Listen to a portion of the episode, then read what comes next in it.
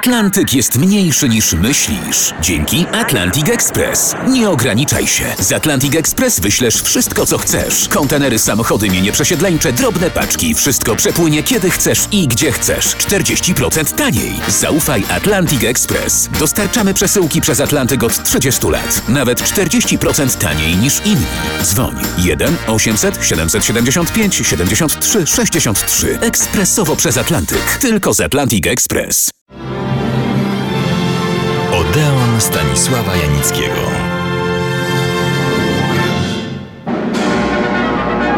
I dziś pozostaję wierny zwyczajowi, który zresztą sam ustanowiłem, że pierwszy temat w nowym sezonie, którego otwarcie przypada zawsze we wrześniu, poświęcam tematowi wojennemu i to związanemu z Polską, z Polakami.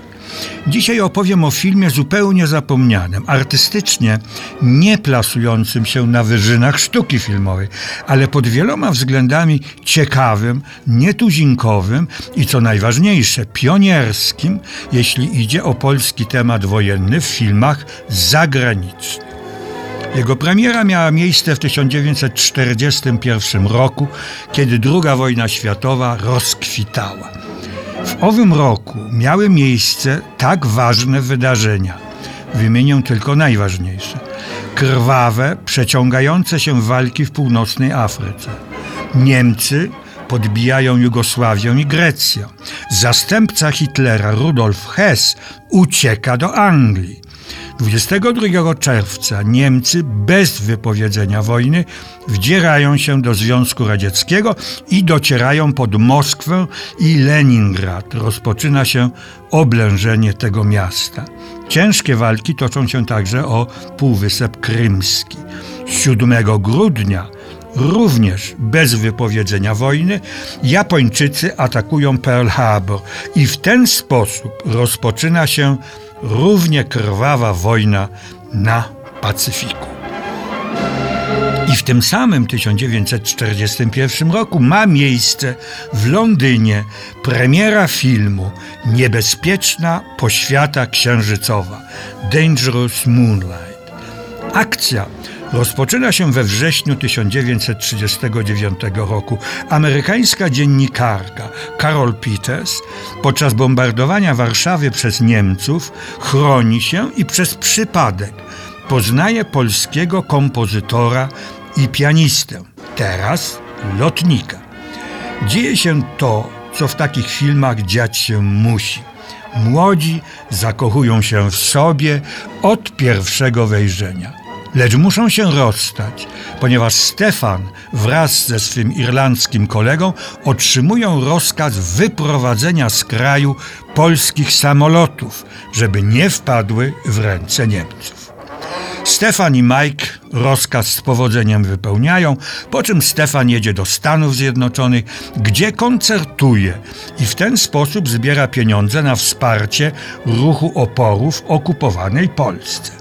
W czasie tych koncertów spotyka powtórnie Karol. To spotkanie zaowocowało ich ślubem. Niestety, wkrótce małżonkowie muszą się znowu rozstać. Po upadku Francji Stefan jedzie do Wielkiej Brytanii i podejmuje służbę w Royal Air Force. Bierze udział w bitwie o Anglię. Uwaga! Tu pierwszy raz pojawili się na ekranie polscy piloci biorący udział w tej równie sławnej, co morderczej bitwie. W czasie jednej z akcji Stefan zostaje jednak zestrzelony i trafia do szpitala. Jest nie tylko ciężko ranny, ale utracił pamięć. Nie poznaje nawet żony. Film wojenny, zrealizowany w czasie wojny, nie mógł rzecz jasna tak się skończyć. To też pamięć Stefanowi wraca i szczęśliwi małżonkowie padają sobie w ramiona.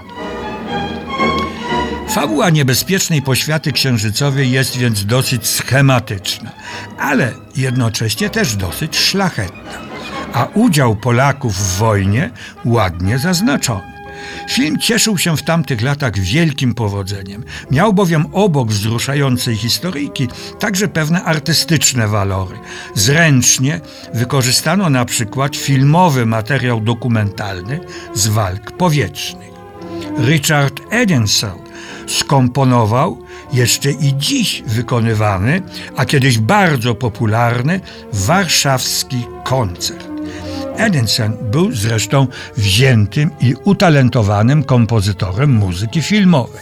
Napisał w 1940 roku muzykę do głośnego horroru Gasnący płomień z Ingrid Bergman, do filmu Hitchcocka pod znakiem koziorożca również z Ingrid Bergman do niezbyt udanego przeboju Książę i aktoreczka z Lorencem Olivierem i Marilyn Monroe, czy do adaptacji sztuki Tennessee Williamsa Rzymska wiosna pani Stone z Vivian Lee w roli tytułowej. Główną rolę polskiego lotnika Stefana gra Anton Walbrook, Austriak z rodziny od dziesięciu pokoleń klaunów cyrkowych ale on zrobił karierę i zyskał uznanie jako aktor dramatyczny, zarówno teatralny, jak i filmowy. To on odtwarzał w latach 30. w dwóch przygodowo-historycznych filmach sławnego kuriera carskiego. W Anglii grał we wspomnianych już gasnącym płomieniu i niebezpiecznej poświacie księżycowej. Występował też w Hollywood i we Francji.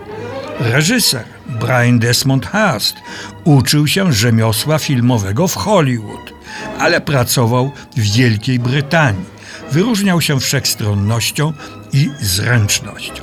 Jeszcze tylko dwa słowa o współscenarzyście Terencie Youngu, ale właściwie o reżyserze Terencie Youngu, bo to był jego podstawowy zawód.